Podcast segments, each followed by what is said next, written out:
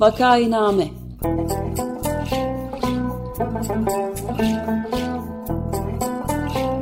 Salgın günlerinde memleket manzaraları. Hazırlayan ve sunanlar Güven Güzeldere, Ömer Matra ve Özlem Tekin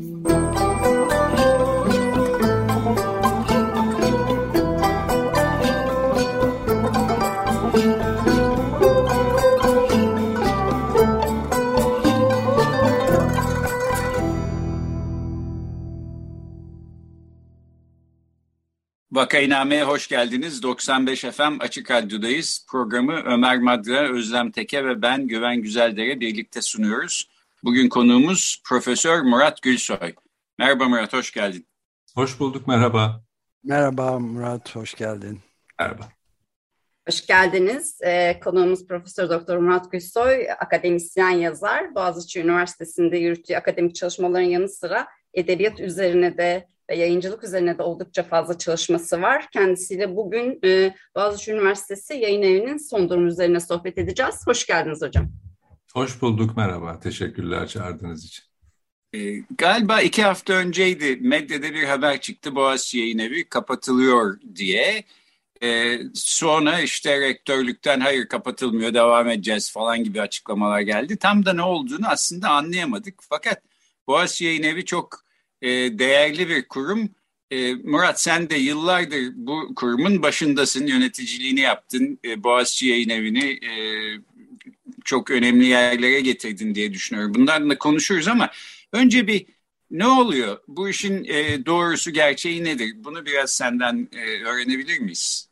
Valla olan şey aslında 1 Ocak itibariyle yaşanan Boğaziçi Üniversitesi'ndeki yönetim krizi nin e, sonuçlarından bir tanesi ama maalesef en e, kalıcı hasarlardan bir tanesi.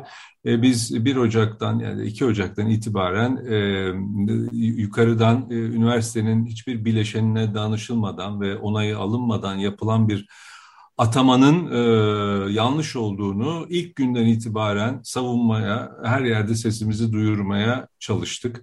Hem hukuki yollara başvurduk hem de çeşitli ortamlarda bu işte kampüs içerisindeki protestolardan e, özellikle hocaların e, arkalarını rektörlüğe dönmeye başlayıp bunu sessizce protesto etmelerinden tutun da bütün bölüm, enstitü, senato, üniversite kurulu seviyesindeki bütün hocalarımız bunu her platformda dile getirdiler ve o zamanın atanmış rektörü e, bu problemi e, kendi yönetişim problemini tabii görmek istemedi doğal olarak. Fakat e, işte bir süre sonra problemler iyice çözülmez hale gelince ansızın görevden alındı. Tıpkı ansızın göreve getirildiği gibi ve ben o tarihlerde daha doğrusu 2020 e, yılının içerisinde e, yayın evinin son yılında daha doğrusu ben e, yönet e, şeydeyken yayın kurulu başkanıyken e, yayın tabii pandemi dönemi olduğu için yayın evi e, maddi sıkıntıların içerisine girmeye başlamıştı. Bu bir anda olmuş bir şey değil tabii. Bu uzunca bir süreç. Ancak e, birazcık şunu da anlatayım. Yani benim vazifem neydi, ne yapıyordum orada? E, ben normalde bir öğretim üyesiyim ve birçok başka idari görevim de var. Mesela kendi enstitümde bir ana bilim dalı başkanıyım ya da bir başka uygar, e, uygulamalı araştırma merkezinin müdürlüğünü de yapıyorum. Bunun gibi bir yayın kurulu vardı ve bu yayın kuruluna da başkanlık ediyordum. Bu yayın kurulunun özelliği işte son 2004'ten e, bu yana e, yayınlanmış olan bütün kitapların e, seçilmesi ve bunların yayına en iyi şekilde hazırlanması sorumluluğuna sahipti. Yani bizim görevimiz yayın kurulu düzenli olarak toplanır ve kendisine sunulan kitap dosyalarını uygun şekilde değerlendirir, hakemlere gönderir. Yani tam anlamıyla akademik bir kuruldur veya kendi üyelerinin önerileriyle çeşitli diziler hazırlar ve ülkenin içe, akademik yayıncılığının ihtiyaçları doğrultusunda bir yayın yelpazesi e, oluşturup hayata geçirmeye çalışır. E, normalde bunu tabii finansmanı da e, vakıf üzerinden e, bir e, şirketin e, e, sağlamasıyla mümkün oluyordu. Bu 2004 yılından beri böyle. E, yayın evi 96-95 yılında kuruluyor. İlk kitabın 96 yılında yayınlıyor ama daha küçük ölçekte, daha ders kitabı e, e, gibi ve kullanılan derslerde kullanılan malzemelerle sınırlıyken 2004 yılında e, o zamanın e, rektörü, seçilmiş rektör diyelim artık bu çünkü önemli bir özellik, e, e, Profesör Ayşe Soysal e, bir atılım yapmaya karar verdi. Hatta ben konuşmayı hatırlıyorum. O tarihlerde Bilgi Üniversitesi Yayın Evi çok atak ve çok e, parlak işler yapıyordu 2000'li yılların başında ve Bilgi Üniversitesi'nin e, kurumsal kimliğine çok olumlu yönde katkıda bulunuyordu. Tabii Boğaziçi Üniversitesi Türkiye'de her alanda iddialı olmak isteyen ekiplerin bulunduğu bir yer. Yani bir başka üniversite böyle bir iş yapıyor biz niye yapmıyoruz? Biz de iyisini yapalım, elimizden gelen en iyisini yapalım diyerek e, böyle bir yola çıktılar. Tabii bunun yapılması için Elbette ki bir finansman gerekiyordu. Her sene işte o zamanın parasıyla 100 bin dolar gibi bir şey hedeflenmişti. Yani ekstradan buna kaynak aktarılacaktı ama hiçbir zaman o sene dışında olamadı. Çünkü biliyorsunuz Türkiye'de dolar her hızla yükseliyor, maliyetler değişiyor, ekonomik sıkıntılardan biri bitiyor, biri başlıyor. Ama biz o süreç içerisinde e, olabildiğince e, e, iyi kitaplar e, seçip e, bunları güzel şekilde hazırlayıp e, insanlara sundukça, tabii tutundukça e, bu e, şey sübvansiyon miktarı da yıllar içinde azaldı. E, çok sıkıştığımız durumlarda da sponsorlar e, bularak ki pandemi yılını tam anlamıyla böyle atlatmıştık. E, yani mevcut rektörün e, yaptığı açıklamadaki gibi değildi durum. Yani hiçbir yayın e, şeye matbaaya çevirmene, yazara kimse bir, bir kuruş borcumuz yoktu. Ben bıraktığımda tam tersi ciddi bir sponsorlukla daha kitaplar piyasaya çıkmadan karla e, o kitapları basmıştık, son kitapları. Ama e, şeyin e, vakfın e, ticari işletmesi pandemi süreci, süresi boyunca okul kapalı olduğu için işte yurtlardan gelir elde edemediği için kendi şirketin içine girdiği bir ekonomik kriz e, vardı. Bayağı ciddi bir e, ekonomik e, krize girmişti. Tabii bunların çözümlenmesi için rektörlüğün yenilenmesini bekliyorduk. Bir önceki rektörlüğün. Bir önceki rektörümüz Mehmet Hoca da aslında atanmıştı, seçilmemişti. Ancak kendisi bizim ilkelerimizi hayata geçireceğini söyleyerek bir büyük genel kurul yapıp bir güven oylaması almıştı. Zaten de e, eğer istemiyorsanız hemen şu anda istifa edebilirim hiç e, sorun değil e, diyerek e, eski e, seçilmiş rektörün Gülay Hoca'nın e, bütün ekibini de devam ettirmişti. Yani hiç kimse değişmemişti aslında Gülay Hoca'nın e, aynı ekibi sürdürdü. Tabii ilke olarak bunu, bunu bunun da sorunlu olduğunu söyleyen çok vardı ama o andaki biliyorsunuz e, olağanüstü hal dönemiydi ve çok ciddi sıkıntılar vardı. O dönem o şekilde halloldu ama biz Ocak ayında hiç beklemediğimiz bir şekilde böyle bir e, böyle bir atamayla karşılaştık e, ve ben de doğal olarak her rektör değişiminde olduğu gibi görevimi tabii ki bir iade etmem gerekiyordu. Ama zaten ondan tekrar görev almam gibi bir şey söz konusu değildi. Zaten öyle bir krizin içine girilmişti ki yayın evini akla gelebilecek en son şeydi Ocak ayında e, rektörlük oluşamıyordu. Yani Melih Bulu kendine yardımcılar bulmakta çok zorluk çekti. İşte sonunda bir iki kişi buldu. Ama onun da kendi ömrü vefa etmedi. E, sonra da o bulduğu yardımcıları tekrar atandı Ağustos ayında. E, ama kriz bitmedi tabii. Çünkü kriz niye devam ediyor onu da söyleyeyim. Kriz şundan devam ediyor. E, okulun biliyorsunuz birçok fakültesi var, enstitüsü var. Mesela fakültelere dekan atanacağı zaman o fakültenin hocaları e, birkaç aday çıkarırlar, aralarında oylama yaparlar ve bunu rektörlüğe sunarlar. Rektörlük YÖK'e sunar, yok işte oradan atama yapılırdı. Ki bu 50 senedir böyle yapılıyor Boğaziçi Üniversitesi'nde. Hatta biz dekan bulmakta zorlanırdık. Yani çünkü bunlar ağır işlerdir. Öyle insanların e, aman ben yapayım diyeceği değil de arkadaşım ne olur sen yap biraz da bu e, sorumluluğu paylaşalım. Bu fedakarlıktır çünkü aslında idari görev Boğaziçi'nde. E, çünkü herkes liyakatla orada olduğu için yani e, ve zaten bütün kararlar e, yöneticilerin değil, yöneticilerin yönettikleri söz, e, e, birimlerin kendi kararlarını yansıtmak ve onları koordine etmektir. E, enstitü müdürleri de öyle. Bizim seçilmiş e, dekanımız, seçilmiş enstitü müdürlerimiz atanmadı. Hala da atanmış değil. Yerine vekaletten işte çeşitli isimler vekalet ediyor. Niye atanmıyor? Çünkü atanırsa senatoda ve üniversite yönetim kurulunda çoğunluk olunuyor. Çoğunluk olunca da rektörlük istediği gibi hareket edemiyor e, istediği gibi hareket etmesi ne demek? E, yani üniversitenin isteyip istemediğine hiç bakılmaksızın, ihtiyaçları hesaba katılmaksızın örneğin iki fakülte birden açılıverdi. Hemen dışarıdan işte bir hukuk fakültesi, bir tane de iletişim fakültesi, içi de boş zaten iletişim fakültesinin.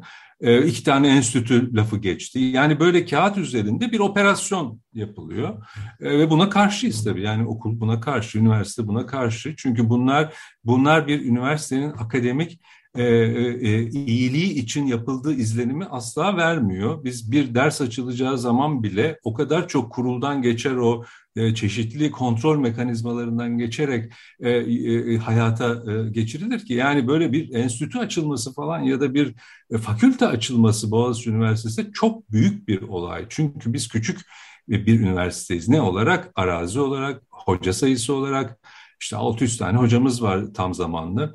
Ee, öğrenci sayısı olarak işte 16-17 bine yaklaşmış bir öğrenci sayımız var. Bunlar Türkiye ölçeğinde yani o küçük bir üniversite ama çıktılarımız büyüktür. Yani etkisi çok büyüktür ve bu etkiyi de borçlu olduğumuz şey e, işte öğretim üyelerinin buraya liyakatle gelmesi, çok çeşitli aşamalardan geçerek kazanılması. Yayın evine dönecek olursak e, bu süreç e, ben tabii istifa ettikten sonra Ocak ayından sonra yayın zaten de ekonomik de kriz de vardı, yönetim krizi de vardı. Herhangi bir şey yapılmadı ama içeride bir tane editör kalmıştı. Diğer editör de istifa etti. Çünkü maaş alamıyordu bu pandemi sırasında. Bir tane editör de Kasım ayının başında işten çıkarıldı. İşten çıkarılırken muhasebe biriminde ona işte biz Bütek AŞ seni işe almıştık editör olarak çünkü yayıncılık faaliyeti yapıyorduk. Artık yayıncılık faaliyetimizi durdurduk yapmayacağız. Dolayısıyla da size ihtiyacımız yok diye resmen beyan ettikleri için ha dedik o zaman bu bir beyandır, bu bir resmi e, bir açıklamadır ve doğrusunu isterseniz benim gönlümde bir muhasebe bürosunda bunun bu şekilde bir cümleyle ifade edilerek bitmesine razı gelmedi. Çünkü 25 senelik bir mazisi olan ve çok hakikaten geniş e, bir yayın yelpazesi olan bir yayın evinin bu şekilde kapatılmış olması sonuçta bu bir kapatılmadır ya da durdurulmadır ama durdurduğunuz zaman zaten kapanmış oluyor. Onu da isterseniz bilahare anlatayım yani belki başka sorularınız vardır.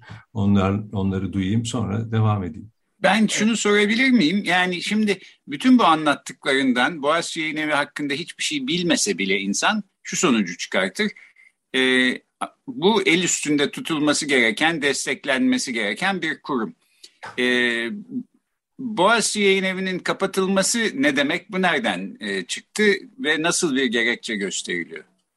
İşte bu, bu muhasebe bürosundaki bu söylenen ifadeyle son editör işten çıkarılınca e, yayın ev, yayıncılık faaliyeti durmuş oldu, bitmiş oldu. Şimdi yayıncılık faaliyeti nedir? İşte kitap basarsınız, dergi basarsınız ve bunları bastıkça da piyasaya verdikçe de eski kitaplarınız da satılır. Eski kitaplarınız bitince ne olur? Mesela baskısı tükenince yeni baskılarını yaparsınız. Biz şimdi bugüne kadar işte 450 küsür başlıkta yayın yapmışız ama 2020 yılına geldiğimizde bunların tabii az satanları veya artık satmayacağını düşündüklerimizin yeni baskılarını yapmıyorduk ama e, satmakta olan ve çok kıymetli e, kitaplarımız var. Halen de güncelliğini koruyan. E, onları basmaya devam etmek istiyorduk tabii. E, ama bunların yeniden baskıları yapılmadığı zaman ne oluyor? Siz o kitapları kaybediyorsunuz. E, ve o kaybettiğiniz kitapları başka yayın evleri alacaktır muhtemelen. E, çünkü hazır yapılmış kitap. Şimdi bir kitabı üretmek başlı başına ciddi bir iş. Yani üretmekten kastettiğimiz şu, ister telif olsun, yazarı Türk olsun ve Türkçe yazmış olsun, ister yabancı bir dilden çevrilmiş olsun. Sonuçta bu kitabın bir edisyon süreci, matbaa işleri, birçok kapağının tasarlanması, arka kapaklarının yazılması vesaire. Bütün bunlar yapıldıktan sonra artık kitabınızı siz ister bin ister iki bin adet ilk basın ama ondan sonraki baskılarda sadece tek yapacağınız şey düğmeye basmak. Dolayısıyla da asıl emek ilk baskı için veriliyor. Dolayısıyla bu kitapları tekrar basmadığınız zaman çok büyük bir 20 senelik belki e, emek aslında buhar olup uçuyor. Yani bir yandan da çok büyük bir kamusal zarardır e, yayıncılık faaliyetini durdurmaya karar vermek. Çünkü iyi giden bir iştir bu. Yani e, işte e, şeye girdiğiniz zaman bizim sitemize şimdi bir şöyle dolaştığınız zaman e, bir sürü tükendi görüyorsunuz orada. Tükendi, tükendi, tükendi. Neye tükendi? Çünkü sattı. Sattığı için tükeniyor ama yeni yenisi basılmadığı için de o artık tükenmiş olarak bir süre sonra da yok olmuş olacak. Yani en azından Boğaziçi Üniversitesi yayın evi etiketiyle okurla e, buluşamayacak. Yani durması dediğimiz şey e, bu ama rektörlük şöyle bir açıklama yaptı. Yok yani bu zaten çok stoklarımız 60 bin stoğumuz vardı. Ee, çok başarısızdı. İşte o yüzden biz şimdilik bir durdurduk. ileride daha iyisini yapacağız falan gibi bir açıklama yaptı rektör. Tabii ki ileride daha iyisinin yapılmasını ben de isterim. Herkes ister ama e, bir de bunun gerçekliği var. Yani gerçek koşulları olabilecek mi ona bakmak lazım. E, bir de 60 bin stok belki 50 bindir, belki 40 bine düşmüştür bilmiyorum ama stoksuz çalışılan bir konu değil bu zaten. Yani stok orada e, e, bir başarısızlık e, parametresi olarak kullanılamaz. Çünkü siz 450 kitap basmışsanız işte 300 kitabınız canlıysa e, bölerseniz kitap başına başlık başına 200 adet e, deponuzda bulunuyor demektir. Bu çok iyi bir şey çünkü kitapçı sizden kitap talep ettiği zaman e, gidip de bir tane bir tane içeride basmıyoruz. Yani print on demand çalışılan bir sistem değil bu.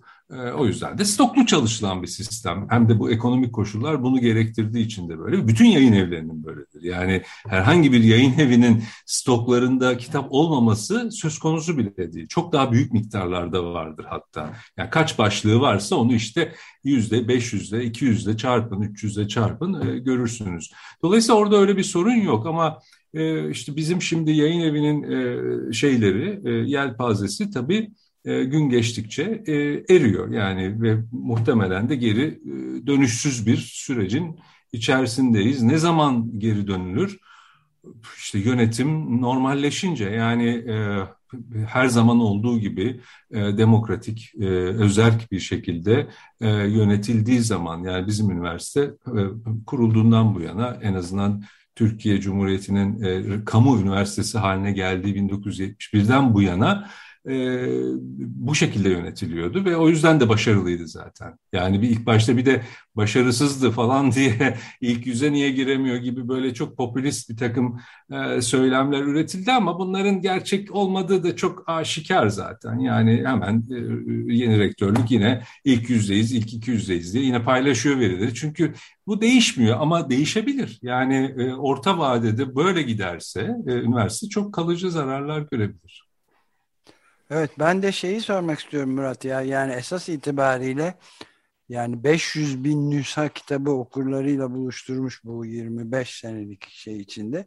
Muazzam bir miktar ve ayrıca bütün konularda da e, sadece e, şey değil yani şeyinde de belirtiliyor tanıtımında da yani bir kültür köprüsü.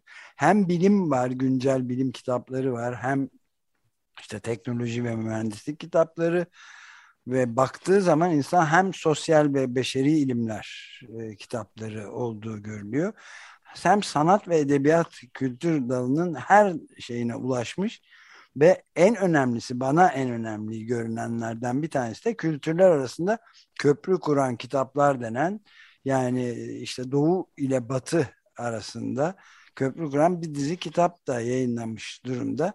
Bu yani e, her e, üniversitenin ve herhangi bir kuruluşun yayın evinin e, bayağı iftar edebileceği çok önemli bir e, hizmeti e, barındırdığı düşün, düşünülür, düşünüyorum yani ben şahsen. İşte uzak doğudan kitaplar var ve tarihsel miras ve kurumsal kitaplar diye mesela son derece çarpıcı ve ilginç kitapların e, bulunduğu bir şeyden bahsediyoruz. Ve burada ana e, gerekçelerden bir tanesi de yeterince kar etmediği gibi bir e, cümle e, var yani konuşulan. Buysa Bu...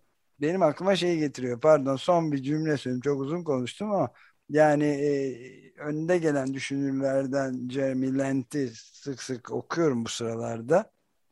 Yani o, e, her her konuda genel çöküşü açısından da dünyanın yani iklim vesaire filan odanın ortasında görünmeyen e, göze çarpmayan filden bahsediyor. İşte o meşhur deyimde olduğu gibi. O da kar motifi yani büyüme ve kar. Bu dünyanın sonunu da getirebilecek olan bir şey ve bunun hakim olduğunu burada görmek insana acı veriyor yani. Ne diyorsun? Valla bu hakikaten dünya ölçeğinde bir problem olduğunu düşünüyorum. İki sene zannediyorum önce Stanford Üniversitesi yayın evi çok benzer bir problemle karşılaştı. Ee, Stanford Üniversitesi sübvansiyon etmeyeceğini artık e, açıkladı. Onların da senelik baktım ne kadarmış diye işte 150 bin dolar civarında bir sübvansiyon miktarı var. Stanford Üniversitesi. Yani Stanford. Üniversitesi e, hem listelerin en yukarılarında olan üniversitelerden biridir. Hem mühendislik, temel bilimler alanında çok e, ileri olduğu için e, yani para bulmak konusunda herhalde Boğaziçi Üniversitesi ile kıyas kabul etmez e, imkanlara sahiptir. Ama işte o zihniyet orada o 100-150 bin doları bile çok görüyor. Yani niye kendini döndüremiyor? Kendini döndüremeyen bir, kendini kar edemeyen bir yapı e, e, layık değildir hiçbir şeye. Yaşamaya layık değildir gibi bir zihniyet. Fakat Stanford Üniversitesi yayın evi e, çok büyük kampanyalar yaptı. Yani internet siteleri açtı, e, mücadele etti. E, bilmiyorum e, sonu ne oldu? Çünkü onlar da tarihlerini anlatırken şunun altını çizdiler. O çok ilgimi çekti o yüzden aktarıyorum. Stanford Üniversitesi kurulurken kurucu rektör e, işte o mütevelli heyeti böyle bir e, üniversite yapacağız amacımız şu gel bunu yap diye rica ettikleri kurucu rektör bir şartım var. Önce aynı zamanda bir yayın evi kurulacak diye. Yani üniversiteyle yayın evi yaşıt orada. Bizdekinden farklı olarak böyle bir kökleri olan bir yapıda bile bu sorunlar çıkıyor. Dolayısıyla bizim de başımıza gelmesi bir zihniyet meselesi, bir bakış açısı meselesi. Ama biz zaten gerek yayın evinde, gerek akademik çalışmalarımızda, gerek işte açık radyo gibi yapılarda zaten bu zihniyete karşı bir şeyler söylemeye e, çalışıyoruz. Yani bütün yaptığımız iş o. Bu tarihsel miras konusuna da biraz aslında değinmekte fayda var. Yani diğer güncel bilim kitapları, işte başka üniversitelerde okutulan ders kitapları, teknolojiye ilişkin, mühendisliğe, fen bilimlerine ilişkin kitaplarını hepsini tabii ki yayınlıyoruz. Birçok yayın evi bunu yapabilir. Ama bizim bir farkımız da var. Yani bu 158 yıllık tarihi de biz e, bir şekilde aktarmanın yolunu bulmaya çalıştık. Bunun içinde 158 yıl önce buralardan geçmiş, dekanlık yapmış ya da kurucu e, vasfına sahip kişilerin anılarından başlayarak e, kurucu rektörün anıları, Abdullah Kur'an'ın anıları veya işte bir zamanlar e, Kandilli Rasathanesi'nin müdürlüğünü yapmış olan Işık Ara Hoca'nın anıları, efendim bir e, şey Rumeli Hisarı'nda mesela bir de, e, şey vardır, dergah mezar taşları vardır. O mezar taşlarını Ethem Eldem Hoca'nın tek tek okuyup onları kayda geçirip fotoğraflayıp e, onu kitap haline getirip kalıcı hale getirmemiz veya yine Kandilli'deki e, Rasathane Kandili Rasathanesi'ndeki çok özel el yazmalarında bunların bir kısmı Türkçe bir kısmı Arapça, Farsçadır. Onları yine Günay Kut Hoca ki bu alandaki e, duayen hocalardan bir tanesi onun bir kataloglamasını yine yayın haline getirmemiz bütün dünya kütüphanelerinde artık mevcut hale gelmesi bakın oradaki bizim mirasımızı bütün dünyaya kalıcı hale getiriyor veya işte flora üzerine Boğaziçi Üniversitesi'nin Güney Kampüsü'ndeki florayı sonbahar için ayrı, ilkbahar için ayrı e, kitaplarını bastık veya işte hocalarımızın bir laboratuvar nasıl kurulur, e, kuruldu Reşit Canbeli hocamızın e, e, anlattıkları. Yani bütün bunlar aslında bir kurumun hem coğrafyasıyla hem tarihiyle kurduğu ilişkilerin bir kaydını tutup paylaşmak anlamına da geliyor. Yani mesele sadece bunun bir bundan kar edilmesinin ötesindeki bu kitapların hepsi de sattı bu arada. Hiçbiri de böyle şey olmadı. Çünkü hepsi çok nitelikli neredeyse koleksiyoner e, şey denir ya kitabı e, onun kadar e, nitelikli kitaplardı. E, o yüzden de çok içim acıyor diyebilirim. Yani bütün bunları yapılabiliyor olduğunu görüp de bunlardan vazgeçiyor olmak. Yani işte dediğiniz gibi demin Orta Doğu mesela. Orta Doğu'da niye bu kadar güçlü yayın yaptık? Çünkü hocalarımız bu konuda çok e, e, mahir hocalarımız var. Mesela Profesör Selçuk Esenbel işte bizim bütün bu Orta Doğu Japon e, kültürüyle ilişkili e, yayınlarda başı çekti. İşte Japon konsolosluğuyla ya da diğer vakıflarla oralardan sponsorluklar bulduk. Yani bu insanlar yani bizim yayın kurulunda oturan e, yani Profesör Selçuk Esen öyle e, bunu herhangi bir ücret karşılığında yaptırabileceğiniz bir insan değil. Gönüllü olarak yapıyor ki kendisi Japon imparatoru nişan vermiş. Şimdi bu insanlarla çalıştık yani ve böyle bir e, niteliği olan bir şeyse yine diğer yayın kurulundan bahsetmek lazım. Yani hep ben konuşuyorum ama ben sadece koordine ediyordum aslında. Yani tamam katkım var ama e, mesela Reşit Can Beyli hocamız da e, güven e, güzelleri çok iyi tanır.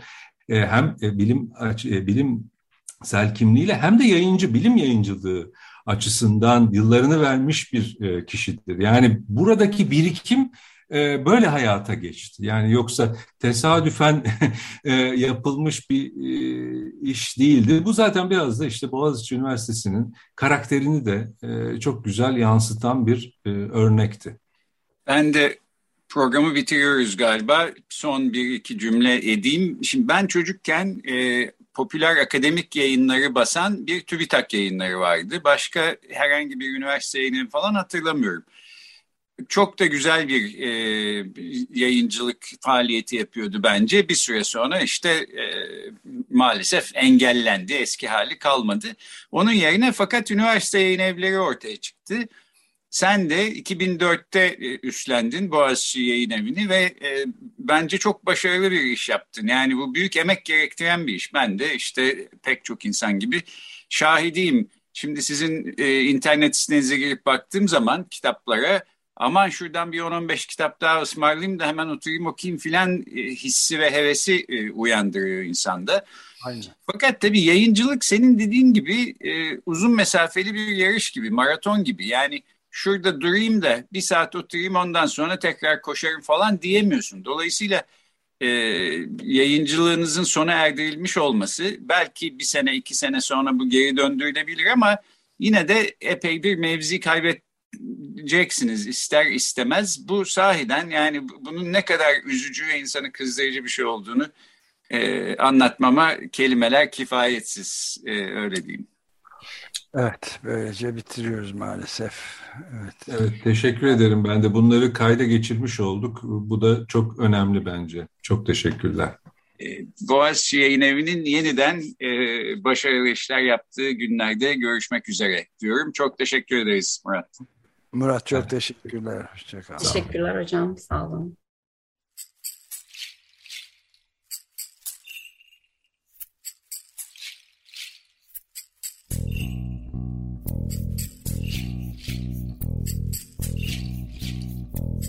Vakainame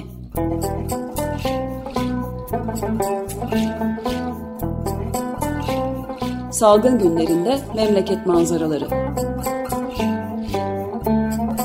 Hazırlayan ve sunanlar Güven Güzeldere, Ömer Matra ve Özlem Tekin.